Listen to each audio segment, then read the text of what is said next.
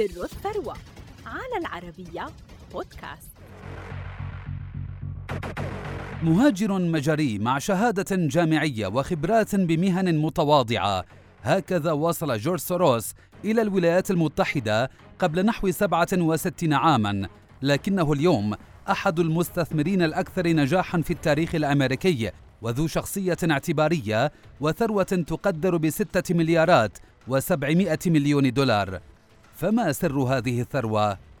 ولد جورج سوروس بالمجر عام 1930 وعاش ويلات الاحتلال النازي قبل أن ينتقل إلى لندن في عام 1947 حيث درس في النهار وعمل بالليل بمهن متواضعة كحمال في محطات السكك الحديدية ونادل بملهى ليلي وبائع درس سوروس الفلسفة على يد كارل بوبر في كلية لندن للاقتصاد لكنه تخلى عن خططه بأن يصبح فيلسوفا وعمل في بنك لندن التجاري قبل أن ينتقل لنيويورك ويبني اسما كخبير بسوق الأسهم.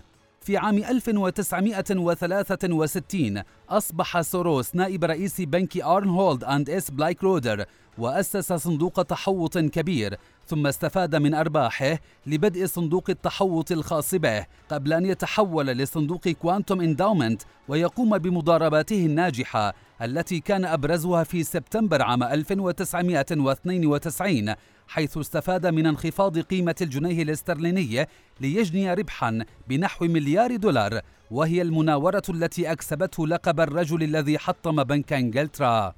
لم تنجح مضاربات سوروس دائما ففي عام 1994 تعرض صندوقه لخسائر بمئات الملايين في يوم واحد لخطئه في توقع ارتفاع قيمة الدولار مقابل الين الياباني كما اتهم بالتورط في هجمات المضاربة على البات التايلاندي عام 1997 وارتبط اسمه بالأزمة المالية التي اجتاحت آسيا في العام التالي فيما كان قد خسر فعليا المليارات نتيجة هذه الأزمة قبل أن يستعيد صندوقه عافيته في عام 1999 بفضل مكاسب سوق أسهم الإنترنت.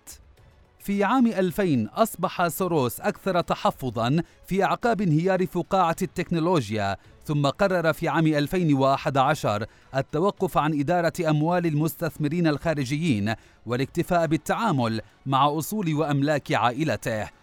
بعد ذلك ركز سوروس الذي لقب أحيانا بسوروس المضارب على الأعمال الخيرية من خلال مؤسساته وشراكاته مع المؤسسات الأخرى في أكثر من 120 دولة حيث يقدم المنح الدراسية ويدعم جهود فلسفة المجتمعات المنفتحة التي قادها معلمه كارل بوبر ليعود إلى الفلسفة بعد أن تخلى عنها لجمع الثروة.